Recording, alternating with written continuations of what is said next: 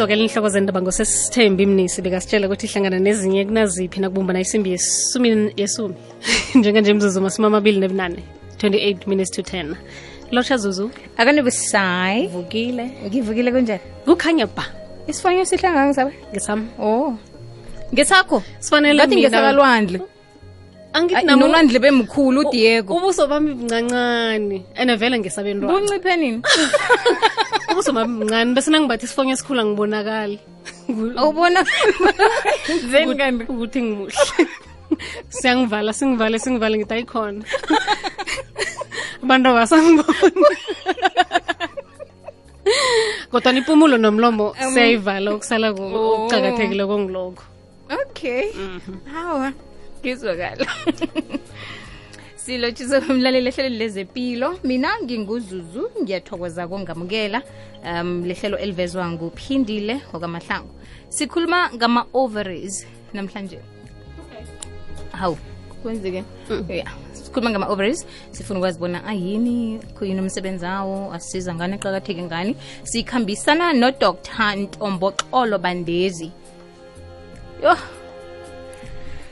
hey dr ntomboxolo uvukile ngivukile sisi wami njani wena. Zivukile wena unguntombo ya Eh, isikhathi dr sincane. Asikho sokuthi intomboxolo sathi intombo siyicedile awulifuni? Nkosi yami uma nobaba kebathanda mayi mara.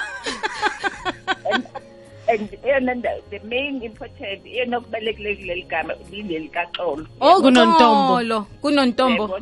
Okay alright awagezwakala siyathokoza. Dr ntomboxolo siyingena endabeni vele. Yini ama-ovaries begodu um yini umsebenzi awo enzani? Okay. Ngicela ukubingelela sisi njengomuntu ngibingelele ngibona ithuba ngibingelele nakubalaleli. Eh ama ngizocela ukumixa eh ngoba amanye ama- ama-terms asibinalo kahle kahle igama lesizulu or isindebele or isixhosa. Ama-ovaries um izindlala eh eziba khona kumuntu wesifazane um mainly why are they there? Eh ama-ovaries akhona ukuthi enza ukuthi amaqanda iqanda lelo zabe nalo seyingane encane ayasiza ukuthi lelo qanda lelo likhule livuthwe ukuze masele ufike kwisikhathi sokuthi umdala songakwazi ukuthola ingane. Njalo ngenyanga lizokhupha lelo qanda eselivuthiwe. Okwesibili eh ama-ovaries akhona ukuthi akhiphe into esizibiza ngokuthi ngama-hormones.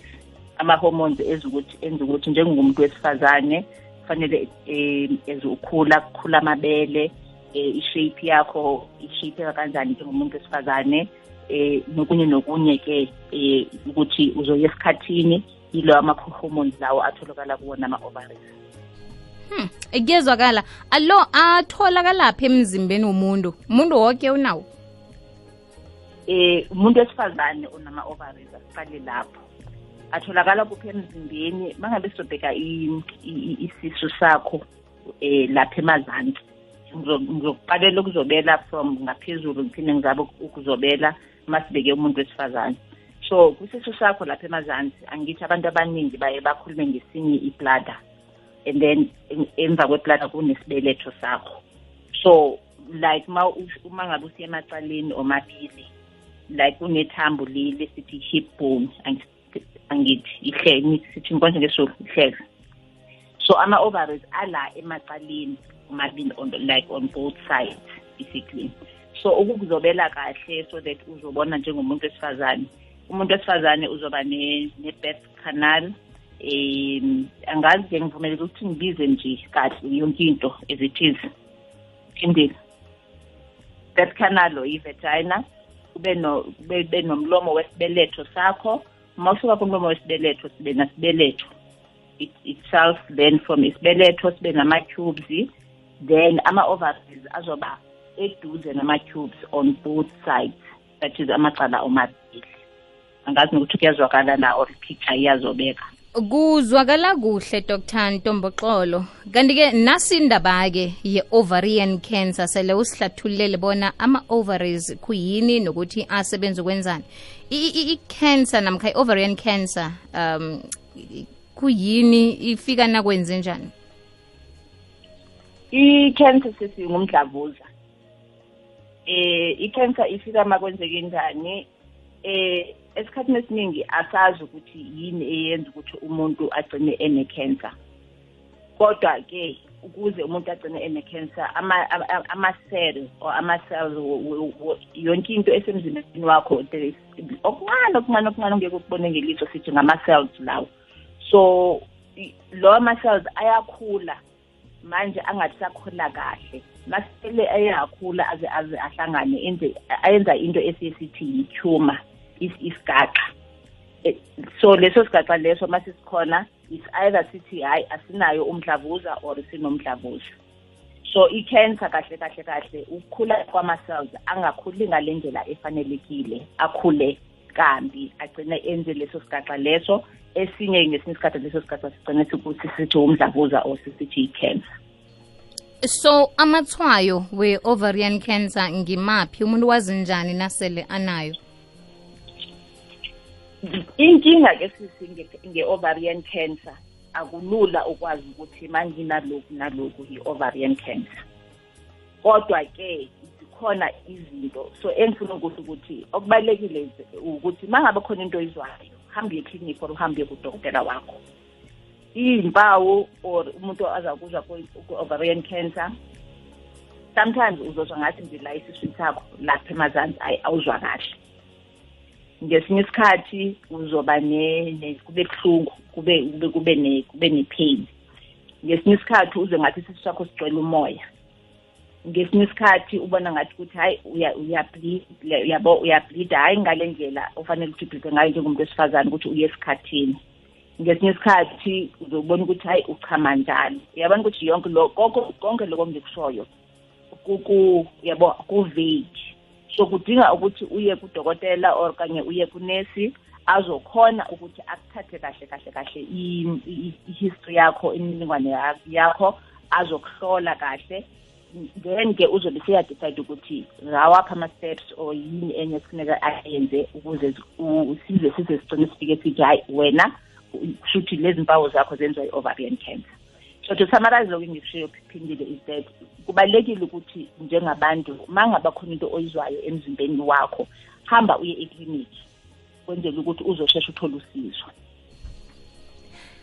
Ngezwakala dr. Ntomaxolo ku-079 413 2172 ungasithumela iphimbo lakho um ubuze lapha ubuza khona njengoba nasikhambisana nodr ntomboxolo nguye ozosiphendulela imibuzo sikhuluma nge-ovarian cancer naku-089 1207667 089 abadoktere namkha abasebenzi bezepilo bazoyithola namkha bazoyibona njani ovarian cancer dr ntomboxolo njengobana-ke um uvezile bona akusilula ukwazi umuntu ngokwakhe emphetheko um angeze azibona namkha angeze kwaba lula ukwazi ukuthi unayo? So ma usofikile kudokotela sizokubuza ukuthi yini ozwayo bese siyabuza ukuthi ekhaya kunayona i-history ye-cancer.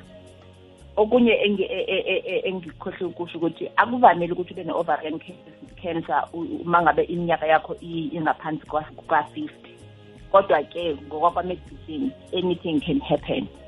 Eh so sizobuza leyo history yakho ukuthi khona nekhaya umuntu one-history ye-ovarian cancer or any noma yeyiphi cancer yomuntu wesifazane.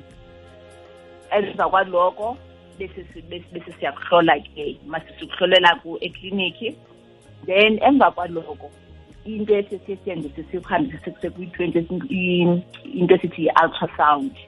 Akunalo igama lesintu nkosi yami for i-ultrasound so i-ultrasound izobheka ukuthi mhlawumbe khona na into abayibonayo eh, eh, esiswini sakho. Uma ngabe khona into abayibonayo esiswini sakho then bazokudlulisela ngaphambili bakwenze into esiye sithi manje yi-city scan. Meaning uzohamba-ke manje bese uyokwenziwa i-scan. Uma ngabe i-scan siyasho ngempela ngempela ukuthi hayi cha bayasola ukuthi ungayiyona i-ovarian cancer. So so ubona i-specialist-ke manje. So i-specialist sizokhuluma nawe ukuthi what are the next steps so that ke mhlawumbe bazokwenza i-operation eh okanye bathathe isicubu into esithi i-biopsy ukuthi bayithumele elebhu uhambe kuyohlola ama-cells lawo ukuthi lama-cells akahle na okanye akama-cells ecancer. So idinga ukuthini? Idinga ukuthi mangabe kwenzeka umuntu anga- angaxoxumi uyithi laphana laphana laphana. Kwenzela ukuthi kube khona i-continuity you understand? Uma uqale ekliniki ikliniki bazokuthumela mhlawumbe kwisibhedlela esilandelayo lapho kutholakala khona ama-specialist. And then from there ama-specialist aphinde akuthumele konye udokotela ospecialize ngaphezu kwakhe. Yayibona leyo nto? So kubalulekile ukuthi ulandele lelo chain lelo so that sizoshesha sifike esiyithole impendulo. Eh, Dr. nange kuthiwa umuntu um unama fibroids unama fibroids ne namkha une growth Yes. kukehlobana lapho ne ovarian cancer namkha ama ovaries Yes. i-ovarian cancer sisi yakhuluma ngesikhathi ngikuzobela ngithe kunama-ovaries kube khona ama-tubes so i-ovarian cancer yona iba khona kuma-ovaries nama-tubes so mase sikhuluma ngama-fibroids lesi esithi isikhathi sesibeletho or- i-growth esibelethweni. Ama-fibroids wona akwi- a- akwisibeletho or i-uterus nge- nge- nge- ngegama lesingisi. Oh, okay. Ku-0794132172 ne-08912076667 ikwekwezi usemoyeni otshani sivukile baba ninjani? Mina ngikhona ngifonela kakhokwezi mona iye baba usemoyeni ngicela ukubuza ke izinamba lezi zase-ofisi zala mathuna laba bathi bakhuluma ngawo. Angazi nganginikeza zona sisi iinamba ze-ofisi zamathuna? Ya mathuna asukayo busayo angazilitho angazi ukuthi mhlawumbe uzomkhangiso namkhana bekungelinye ihlelo na. Ngalesi sikhathi sisehlelweni la sikhuluma khona nge-ovarian cancer sikhamba nodr ntomboxolo. Usemoyeni kwekwezilotshani Hello njani? sikhona ninjani Ngiyaphila ngicela ukungazisho igama ngicela ukuza usista lapha ukuthi ngayenza i-pap smear ngina 30 38 years ngayenza i-pap smear but ngenze i-con biopsy ngayenza on 2014 ngabuya ngayenza in 2018 since then bathi ngine expensive fiber but njengoba kunama-corona so akukhonakali ukuthi-ke ngibuyele leso laba ngakangireduki ngicela ukuza ukuthi-ke ngayenza njani ukuthi ngithole usizo? Cause aye ngisafuna umntwana nobaba usadinga umntwana ukuthi singaba nabantwana ngiyabonga. Ngibaba ungabeki phasi mama. Um dr ntomboxolo umbuzo uzwa kuhle? Angizwanga kahle ekugcineni ngizile ukuthi usisi wenziwa i-pap smear. Iye. Eh, ya bese ilandelwa biopsy angimzwanga ukuthi ngale ngalesi sikhathi kune-corona um ngiye ngalahlekela lapho ngisisalahlekela nalapho. Kwathiwa unama extensive fibroids ne? Busayo ya usesekhona mama? Uyamuza udoctor yebo ngisesekhona Yes, unama- Kodwa ngimuzwa kahle okay um uthi kwenzekeni ngemva kwalapho ngemva kokutholakala bona unama extensive fibroids? Bangibhukha e-witbank but since kunale corona bathi bazasibiza bazosi-update ukuthi-ke basilungisela nini ukuthi sikhona ubona omunye udoctor for lama azange sisabuyele esibhedlela ngoba yile corona then banibhukhe e-public namkha e-private hospital? I-public Public. Hospital. okay dr ntomaxolo umuzwa kuhle? Ya ngiyamuzwa. Okay. Bengizocela sisi wami um if ungabuza sisi iminyaka yakho mingaki. Ngizolalela emhashweni angimuzwa udoctor. Iminyaka sese uthe una 38 yebo ngina 38 years okay doctor una 38 ufuna ukuthola ingane usafuna abentwana mama? Utsho njalo yebo yebo Yes. Mm. bengizothi ngoba isikhathi um ngicela ufonele e-witbank hospital. Akusho ukuthi ngoba kune-corona eh ezinye inhlelo ze- zezempilo azisanikezwa. Kodwa esikwenzayo ukuzama ukuthi bangabikho baningi abantu abayesibhedlela ngesikhathi e- esisodwa. So usisi ngoba vese seyile e- eyiqalile i-process. Ngicela afo I'm sure ekhadini leli okanye kuklinikhi wayenayo unayo inamba angayifonela ukuthi njengoba ngilindile ukuthi bekuthiwe nginama-extensive fibroid I'm sure usisi bakhuluma ukuthi i- ama-next steps athini na bazowakhipha nama-fibroids wona ayakhipheka na? Noma bazokwenza ini mhlambi in terms of njengoba-ke sisisithi usafuna ingane. So ngicela sithi ufonele e- esibhedle ekliniki okanye ufonele e-witbank hospital usho ukuthi ulinde i-appointment yokubona nes- yokubonana ne-specialist then bazokusiza. So suhlala ekhaya unga- ungalandeleli. Um lotshani Ngiyazwakala. eh, Vusayi nawe zizi nawe dr. Ntomboxolo mina bengiba ukubuza ukuthi angiba ubangihloga igama. Mina bengiba ukubuza ukuthi kuyenzeka or or kusuke kwenzakaleni nawuthi mhlambe um uceda ukuya emabhayini ne? Like during after intimacy? And then Yes, ma. ubleede Mm. kusuke kwenzakaleni mhlambe and uthola sikhathi esi awukho kuma-periods but unovele ubleede nje. Okay. Mangabe sesi u- u- u- u- uthi ama siyafunda oh yeah we learn every day. Uthe yini amabhayini Ma- amabhayi uh, sexual intercourse yes. yes. No no I'm understand this mangabe sisi ubleeda eh eh, emva kokuthi u- ube ne wenze i-sexual intercourse kubalekile ukuthi uhambe uye clinic esizoqala ngakho ukuthi senze i-pap smear sibheke ukuthi i-pap smear ukuhlola ukuthi umlomo lo wesibeletho ama-cells akhona akahle yini na? Awunayo na i-cancer i- esithi i-cancer of the cervix. That is umdlavuza womlomo wesibeletho. Mhm. so kubalulekile ukuthi siqale lapho kuqala. Then masowulapho mangabe-ke masowulapho uzokhona ukukhuluma no- no- no-sister okanye nodokotela akubuze eminye imibuzo ukuthi yini enye e- eyenzakalayo nokuthi ublida kakalayo kodwa i- okubalulekile sisi ngicela usheshe uye ekliniki bakwenze into esithi esiyibiza ngokuthi yi-pap smear. That is Ngiyezwa. ukuhlolela i-cancer yomlomo wesibeletho. Alright ku-08912076667 kwekwezi usemoyeni lotshwani yebo kunjani sivukile baba singezwa ke alright 08912076667 ikwekwezi usemoyeni lotshwani Hello, sisi kunjani? Eh, sivukile mama singezwa ke Ngiyaphila, ngicela ungasisho. Kulungile. Ngicela ukuthi u-Dr. ama-ovarian cyst ahlukana ngani kune-growth and enye into ngifuna ukubuza ukuthi aya-reoccurra na because ngayenza i-operation ngi-remove ama-cyst I was very very young and bengine-menstruation ewa ebeyibuhlungu kakhulu. After some years ngathola ukuthi nginama-ovarian cyst i removed them. Now ngicela ukubuza ukuthi aya-reoccurra na? And ngizokubona njani asari okay ngiyathokoza. Okay dr ntomboxolo ngimzwile usisi ukuthi Okay. ama-ovarian cyst aya-reoccurra na? Mhm ngizwe kahle.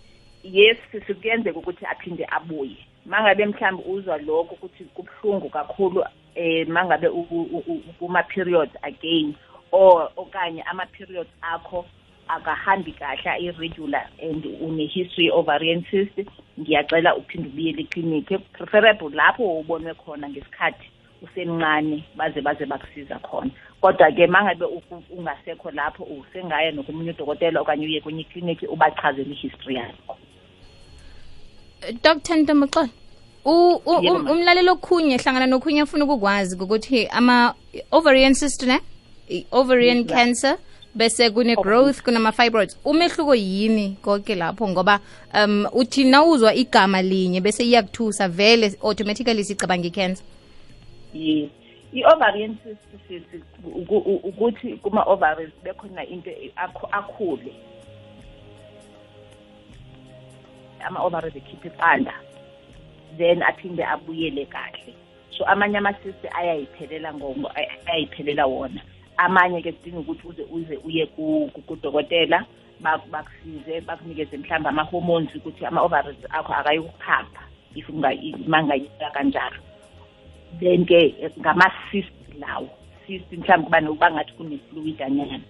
Then mangabe kune kune-cancer umdlavuza lo. I-growth sisi isikhaxa. Isikhaxa singayi-cyst isikhaxa singayi-fibroid singayi-cancer. So i-growth i-term esiyisebenzisa general ukuthi unento ekhulile kuwena emzimbeni. Then fanele sazi ukuthi lento ekhulile iyini yi-cyst i-fibroid i-cancer na. Okunye bengikushilo isikhaxa esiyi-fibroid sona sisesibelethweni. Ama-ovarian cyst wona akuma-ovaries ne-cancer ye-ovaries ikuma-ovaries or Njani ama no Dr. Nocolo? Ngicela ukubuza ukuthi if angabe ke ufuna ukuba nomntwana ne mara awupreventi awuphuza ipilisi bo-prevent injection wayekela injection waphuza ipilisi wayekela ipilisi from last year april ungaphuzi ipilisi uliyekile until manje ungakheshi. Kusuke kubangelwe yini? Kusuke orohane unayo igrowth na? And then amaphirotini uthola ukuthi uya ngama-date angafani. Kusuke kubangelwa yini? Thank you. Ngizocela u- ubethe layini ngesisi ngoba okanye okuqala uma ngabe ubusebenzisa ubupreventa ngingathanda ukwazi ukuthi ubusebenzisa ubusebenzisa ini? Ubusebenzisa amaphilisi? Doctor? ubusebenzisa ubukhe wasebenzisa umjovo? Mm. yebo ma okay um yi-voice note. Umlalela asithumelena kungenzeka mhlambe Oh, aphendule nakakuzwa ngokukhuluma. Oh kodwa nangimzwile doctor uthe uthome nge-injection wayiyekela weza ngamapilisi wawayekela. Solo So, kwango-april nyaka opheleleko. Mm. so okubalulekile sithi uma ngabe usebenzisa amaphilisi okanye usebenzise umjovo uma ngabe usebenzisa umjovo sithi ukuthi uyalinda up to two years ukuthi umzimba wakho ubuyele back yabona to la eh, to isimo sawo that is so njengesithi uyawathola ama-periods ingathi akakabuye kahle ama-periods akhe so siqala lapho okwesibili unayo ningane ngoba mhlambi eh mangabe upreventa let's say uyingane uqala upreventa asazi nokuthi uyakwazi ukuthola ingane okanye akwazi ukuthola ingane na. So mangabe uyekile ama- ama- eh, amaphilisi or uyeke umjovo sizokunikeza leyo period of like up to like 18 months or two years. Then ke si- bese bese siyabheka ukuthi masowubuyele esimeni sakho uyalikhipha neqanda njalo ngenyanga. Zikhona-ke izinto esiye siz- sizikhulume nawe ukuthi yenza nalokhu nalokhu sizobona ukuthi iqanda uyalikhipha nangenyanga. Okwesibili mangabe iqanda uyalikhipha ngenyanga bese sibheka ubhuti or ubaba ukuthi yena kubaba kuhamba kanjani. Uyabona ukuthi amasotsha akhe ayahamba nakahle mani akhona manga maningi ahamba kanjani. Then bese siyabona ukuthi nina nihlangana ngesikhathi iqanda eliphumile na ukuthi ngoba mangabe nihlangana mhlawumbe anihlali anihlali nobabili njalo manihlangana yile sikhathi wena iqanda ungalikhiphanga. Kufanele manje sibheke ukuthi iqanda ulikhipha nini? Nizame ukuhlangana ngaleso sikhathi ukhipha iqanda kuye kubaluleke-ke ku- ku- kuma-couples ukuthi bangazami ukwenza ingane ba still bathandane ngoba once benze ingane iye i-affect i-relationship ekhaya kungabi sabikho i-intimacy nokujabula. Mangabe ubaba kuhamba kahle konke nihlangana ngesikhathi esi-right usisi uyalikhipha iqanda manje-ke sesizokudlulisela kwi-specialist sibheke ukuthi ama-cubes akho a-right or lokhu sisa ane-worry khona ukuthi ingaba kukhona na okunye okwenza ukuthi kunga anga anga anga anga anga-conceive meaning angakhulelwa. Eh Dr. Ntomaxolo usahlathulula njalo. Kunomlalelo ofuna ukwazi ukuthi njengoba na uyihlathulula nje uyihlathulula ngesidoktere ngitsho kunesikhuwa hlangana. Manje khe sizwe batsho umuntu unengazi ezifeyila kufanele asele imbiza. Um kuhlangana njani nalokho okuhlathululako nje ukuthi um bekahlaba selamapilisi nje sekufanele ahlale iminyaka emibili eh ngaphambi kobana ngaba nomntwana. Kuhlangana njani nokuthi ngingazi zakhe zifeyile kuhlangana nga- kuhlangana nani nani ukuthi umuntu ingazi zakhe zifeyila vane sizwe batsho njalo um bese kuba nezinto ekufanele azisele ngokwesintu. Kodwana na uyihlathululako uthi umuntu kufanele ahlale iminyaka emibili ngemva kobana alise ukusebenzisa ingikhandelambeleko ekumapilisi ne-injection. Iqala lana wena sithingeli usaza usazohlela. Angithi sizokhuluma ukuthi yikho sesithi uyapreventa sibuye sithi if- if- i-family planning so ma uza uzohlela. Kubalulekile ukuthi sikhulume ukuthi yithi yini inhloso yakho ngokuthola aba iy'ngane yayibona? Kubalulekile ukuthi ma umuntu wesifazane iba ijwayele ukuya eclinic nako ukuthi ubuhlela uyathola umr right so uyashada eh ubungaziqinanga ukuthi ufuna ingane uma mezala ufuna ingane. So yilapho sizokukhansilisha khona ukuthi according to age mhlawumbe unokunye ukuthi une-pressure ye-eight na. So imbiza sisi lezi eziphuzwayo nani nani i- inkinga yami angazi ukuthi zisebenza kanjani. Okwesibili ngesinye isikhathi zingagcina zenze umonakalo yabona? Zi- zinga- zingasi- zingasisizi kahle. So nje ngithi umuntu akaye eklinikhi so that uzochazeleka kahle. It's important at the time uqala ukupreventa u- ufuna ukuthola ingane nini na. Ngoba mangabe i- i- i- i-nature ingekabuyeli esimeni sayo. Ungayisela imbiza unga- ungiyakwenza konke kufanele nje silinde sibe patient. So kuba inkinga ke masomdala ngibona sobona ukuthi nje eyi cha ne- ne-menopause isikhathi sokuthola abantwana engathi siyangiphelela. Kodwa-ke with counselling and support yilapho kufanele kuhambiselane no-healthcare provider wakho that is umuntu lo oz- okunikeza i- i-advice ngokwezempilo yomuntu wesifazane. Hey sisibusayo emhatshweni ngisaba ukuza ngimhluga igama. Ngibe nenkinga yokuthi ngiba nomntwana ngimthola ngisiza ngina-42 years and after ukuthola umntwana umntwana una-four months. Manje solo ngiyesikhathini angicedi ngiyaya ngiyajama njalo njalo. Two weeks ujamile nini nini kodwa uyaya ngisaba ukubuza ukuthi maranga-affecteki na bye. Usisi ngingathanda ukubuza ukuthi ngesikhathi etholwa umntwana azange anikezwe umjovo yini na eh i think yiyo into engemenza mhlawumbe ukuthi ama-periods akhe aka- akahambi kahle. Kodwa uma ngabe mhlawumbe ethola umntwana ngoba kuna-four months eh fanele um, uh, ngi- ngiya-assume ukuthi ubuyele eklinikhi for uku- i-six day visit waphinde wabuyela eklinikhi for i-six weeks visit. Uma ngabe bekuhlangene no- no- nokuthola umntwana am- la ngi- ngisebekutholile ukuthi inkinga ikuphi ngiyasola ukuthi usisi wathola umjovo so fanele alinde kancane i'm sure ukubleeda lokhu kwakhe ku-related kumjovo le sesibanikeza abantu uma ngabe be- be- beqeda kubeletha Dr Ntomboxolo kuzwakele. Kanti ke sesilivala ihlelo lethu um besikhuluma nge-ovarian cancer. Ongathini um kumlaleli kithi sonke sibomma ukuthi siz- sizihlokomele sizihlokomela njani um ama-ovaries la siwahlokomela njani?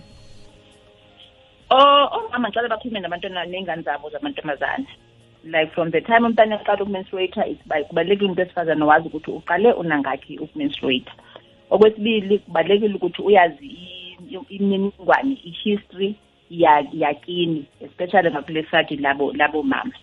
Okwesithathu singabantu asijwayele ukuthi siye eklinikhi sihambe siyoyihlola nje ukuthi nje um, like asiwazi umzimba wethu and sizithande si- sikuthande ukuya eklinikhi. Ma unento oyizwayo ongayi-understand shesha uye eklinikhi uzothola usizo. Dr Ntomboxolo siyithokoze khulu ngesikhathi sakho nelwazi osabele lona namhlanje sithembe bona sakusebenzisana nawe kodwa ngokuzako. Ngiyabonga sisi ngiyabonga basisi bami. Siyathokoza. Dr ntomboxolo konje uthule ukuthi iyalapheka i-ovarian cancer? Ku ku ku ku- kuyadependa sisi kuyaxhomeka ukuthi itholwe at- which stage. Okay. Mangabe alright uqundekile akusenaginga kodwana-ke siyazi ukuthi ngama-cancer vele kuya ngokuthi bayithole isesigabeni siphi. Sithokozele zuzu nomveza ngitsho. Sithokoza busayi sishinge endabeni zifundwa ngusesithembi mnisi siyabuya nehlelo ngimnawe. Kukhanya ba